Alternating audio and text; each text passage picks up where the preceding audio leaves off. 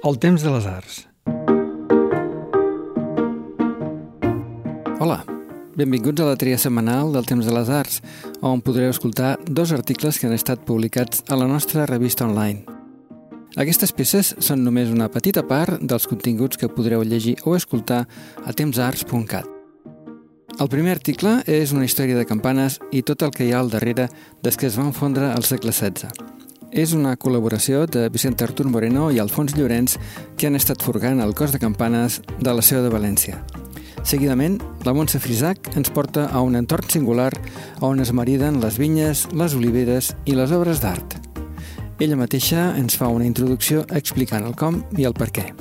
Però abans, escoltem el Vicent Artur Moreno presentant el seu article sobre una tràgica història, la de la campana Narcís, de la Catedral de València. Són 300 esglaons i has de pujar a l'edifici més alt de la València medieval. És la Torre de la Seu. Arribes exhaust, esgotat. I si fumes, potser hauràs de fer nit al segon pis, on cada 15 d'agost hi ha un fenomen lumínic extraordinari. Un raig de llum entra per una finestra i il·lumina una estança que era sagrada. El dia de la Puríssima era celebrat així per Julià lo Tortosí, el constructor de la Torre de les Campanes de la Catedral de València. Si arribes al cos de campanes, les coneixeràs pel seu nom i el seu pes. Caterina, Vicent, Miquel... I a un costat, discreta i anònima, hi ha la Narcís. Una campana especial, una campana que recorda un temps de repressió i de mort, de moltes morts. Després de les germanies, els vençuts volien redimir el seu pecat i ser acceptats de nou per aquella nova societat que gestionava un emperador amb l'ajuda d'una virreina particular.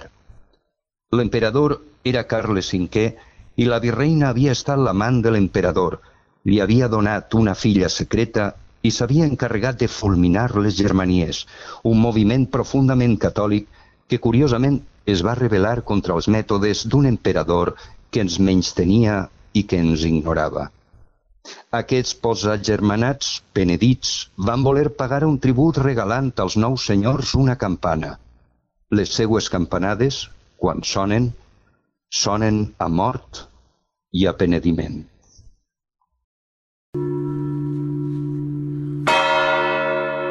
Una campana, preciosa, amb uns relleus en bronze que representen la transfiguració i la Mare de Déu.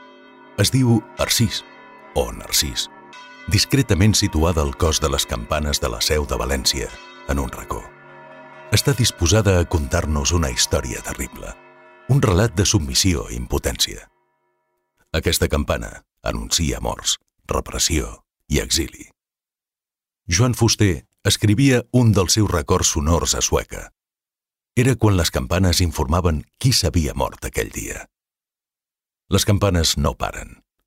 Sonen lentes, espaiades, tres o quatre a l'hora, a cops simètrics. Entre toc i toc, el silenci de la nit sembla més net, més inflexible. És la solemnitat del toc de morts, segons el ritual de l'església del meu poble. En diem drancs. Els drancs de Sueca, del dialecte de Sueca, són de campana. Els veïns en sabem el sentit. Tants drancs vol dir que s'ha mort un home. Tants altres que s'ha mort una dona. Les campanes continuen sent un senyal entre nosaltres. A migdia, després de l'Àngelus, toquen a morts. La meua mare s'alerta. Calleu, a veure. Para l'orella. Compte els drancs. Algú s'ha mort. El poble, home o dona. I el campanar escampa la notícia. Volem contar-vos la història d'una campana que nasqué en un moment agònic a Europa. A principis del segle XVI hi ha revoltes a tot el vell continent contra les monarquies, que volen continuar amb els seus vells privilegis i que no han entès que el món feudal i autoritari vol acabar. Hi ha revoltes dels camperols germànics a Sicília. A Galícia i Castella hi ha moviments similars. Per una banda, els rebels lluiten per conservar un sistema econòmic tradicional, marcat per la religió catòlica, gremial. Però, per un altre, defensen el protagonisme de les ciutats davant d'un sistema que constrenyia cada vegada més la llibertat i els intercanvis flexibles que les societats urbanes estaven creant des de feia més de tres segles. La rebel·lió armada de les Germanies es va produir al Regne de València, a les Illes Balears i en algunes viles de Catalunya ben entrat al segle XVI durant el regnat de l'emperador Carles V. Diuen que va ser una de les primeres revolucions socials de l'edat moderna. Encara que va ser derrotada, l'eco de la revolta entre la protoburgesia de València encara durava anys després de la tragèdia. València, Elx, Alzira, Almanara, Orpesa, Xàtiva, Gandia, patiren les conseqüències. Les represàlies van ser terribles. Caps penjats per les ciutats, persecucions de famílies agermanades, destrucció de cases de grups agermanats, execucions, exilis. Les conseqüències més directes van ser l'acceleració del procés centralitzador castellà autoritari imperial, la pèrdua de poder dels nobles valencians i una reducció important dels drets forals privatius dels ciutadans del Regne de València.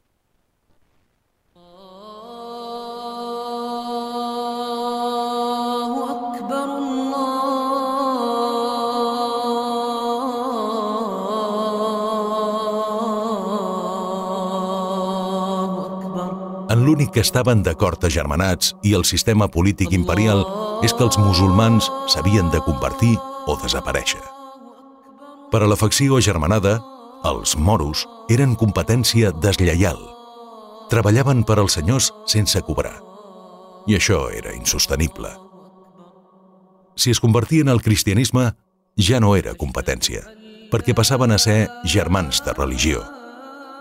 70 anys després, el col·lectiu musulmà desaparegué del regne de València per ordre del patriarca Rivera i el nou emperador de torn, digne hereu de son pare. Felip III, dos místics al·lucinats. Molts agermanats, amb el temps, van intentar integrar-se en la realitat imposada i alguns miraven d'expiar les seues culpes amb ofrenes a l'Església.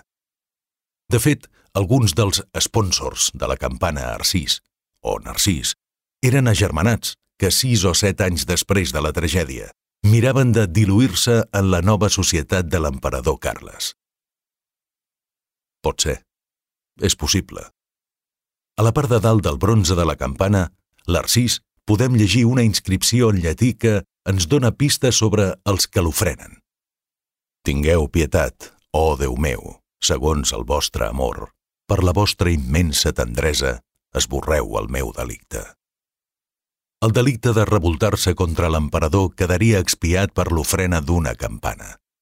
Perquè, en el caos de la Germania, alguns agermanats es van atrevir a saltar alguns temples, entre ells la catedral. I és estrany, perquè una de les característiques dels agermanats era la seua devoció extrema per l'Església i la religió catòlica. Per por, alguns canonges van voler protegir les riqueses del temple i van traslladar moltíssims objectes dins de la torre de les campanes. Per protegir-se, en un lloc de l'escala, van construir una reixa. Així, es van tancar durant molt de temps amb les riqueses i molt pocs viures. Si algú els volia atacar, hauria de posar el cap per sota de la reixa, exposant a ser degullat. Encara podem veure els senyals al mur on estava enganxada la reixa. Molts agermanats, doncs, tenien un deute amb l'Església. I alguns van pensar d'oferir una campana. La decoració del bronze és extraordinària, perquè Lluís Trilles, el fonador, en planteja una típicament renaixentista, amb una garlanda, cibella i corretja. També hi trobem els relleus de Sant Miquel i tres figures juntes que podrien ser Jesús, Moisès i Elies al mont Tabor, a la Transfiguració. A més, hi ha un calvari i una Mare de Déu amb nen. La garlanda inferior imita les que es trobaven a Roma en aquell moment, al peu de la campana figura una llarga inscripció en grec i en català. L'autor no va calcular bé l'espai i ha hagut d'afegir un registre superior per a completar l'escrit. Més Isus fon feta la present campana, el només de novembre any 1529, essent oficials de la confraria del gloriós Sant Narcís, mestre Pere Verduc, cirurgià, Antoni Moret, Lluís Carrasquer, Joan Sapena Majorals, Onofre Descàs, síndic, Bartomeu Coldeses, síndic.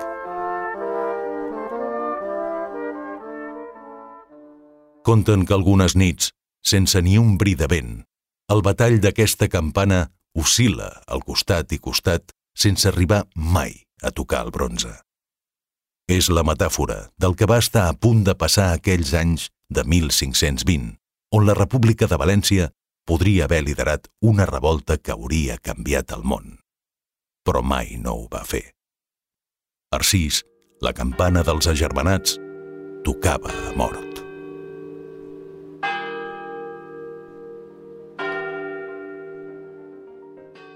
Tot seguit podreu escoltar l'article sobre la vinya dels artistes de la Montse Frisac. Però abans, tenim una cosa a dir-vos. No marxeu, si us plau.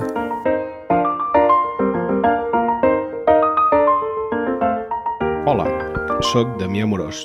Potser m'hauran sentit a La Reserva, el podcast de patrimoni del temps de les arts. Si no ho han fet i els agrada l'art, els museus, els monuments i allò que té a veure amb la cultura del nostre passat, ens poden seguir al podcast La Reserva del Temps de les Arts.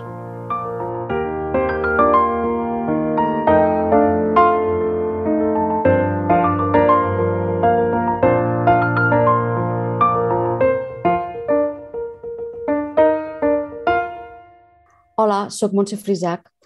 Us imagineu anar passejant per un fantàstic paisatge de vinyes i oliveres i que de sobte us trobeu amb una campana gegant de l'artista Ebro o una A capgirada del Joan Brossa o que enmig del camp aparegui una barca del Carles Santos o que en un petit racó darrere un corral, tocant a terra, hi trobeu una cinta amb un poema que ha amagat l'artista Antoni Llena. O que us semblaria que entréssiu en una gran sala de botes d'una bodega de vins i que hi hagi un gegantesc mural pintat de 60 metres, és una obra del Gregor Iglesias. Tot això ho podeu veure a la Vinya dels Artistes, que és un recorregut artístic que envolta el Mas Blanc i Jové a la Pobla de Cèrvoles. És un lloc únic, insòlid, on el paisatge de les Garrigues es fusiona amb les escultures i instal·lacions i que marida excel·lentment enoturisme i art.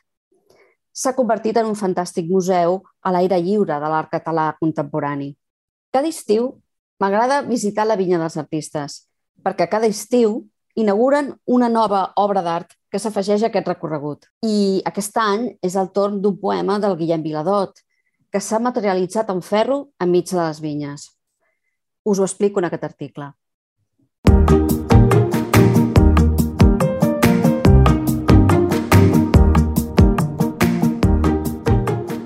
La vinya dels artistes, del Mas Blanc i Jové, a la Pobla de Cèrvoles, a les Garrigues. És un espai singular, on enmig del paisatge cultivat per ceps i oliveres hi ha instal·lades 14 obres d'art d'artistes com Ebro, Antoni Llena, Frederic Amat, Carles Santos, Josep Guinovart o Joan Brossa. Cada estiu, des que va començar aquest projecte artístic completament privat, s'instal·la una nova peça i enguany, amb motiu del centenari de l'escriptor i artista visual Guillem Viladot, L'obra és una reinterpretació del poema de l'home de l'autor de Gramunt i que ha creat l'arquitecte Jaume Ferreny. El poema de l'home va ser escrit el 1972 per Guillem Viladot i publicat el 1973 en format d'un llibre que es desplega com un pòster. El poema està format per una successió de lletres de l'abecedari col·locades per parelles del dret i del revés, i entremig d'elles, Viladot va inserir una paraula relacionada amb alguna part del cos, des del front fins als peus, per arribar finalment a mots més conceptuals i utòpics. Passa, camí, horitzó, llum i llibertat. La darrera paraula que correspon a la lletra Z. És un exemple clar de la poesia concreta i experimental de Viladot, que per la seva estructura també té un alt component visual. Reinterpretar el poema de Viladot per convertir-lo en una obra monumental no era fàcil, però l'arquitecte Jaume Ferreny ha desplegat les lletres de ferro i les paraules sobre sengles vigues mòbils en una línia horitzontal de 5 metres de longitud. La peça s'ha col·locat sobre una paret de pedra seca enmig del camp, creant una línia visual contínua, mentre les lletres semblen sobrevolar el mur i surant l'aire mogudes pel vent. Abans de ser instal·lada permanentment a la vinya dels artistes, l'obra es va exposar des del 28 d'abril al 3 de juliol al claustre de la Seu Vella de Lleida. Hem passat que l'obra estigués integrada en un monument arquitectònic a un monument paisatgístic. Passem de la monumentalitat gòtica a la monumentalitat contemporània i agrícola, diu Ferreny. El resultat és una obra que s'integra en el paisatge i, a la vegada, insereix lletres i paraules en el sol i el cel del lloc.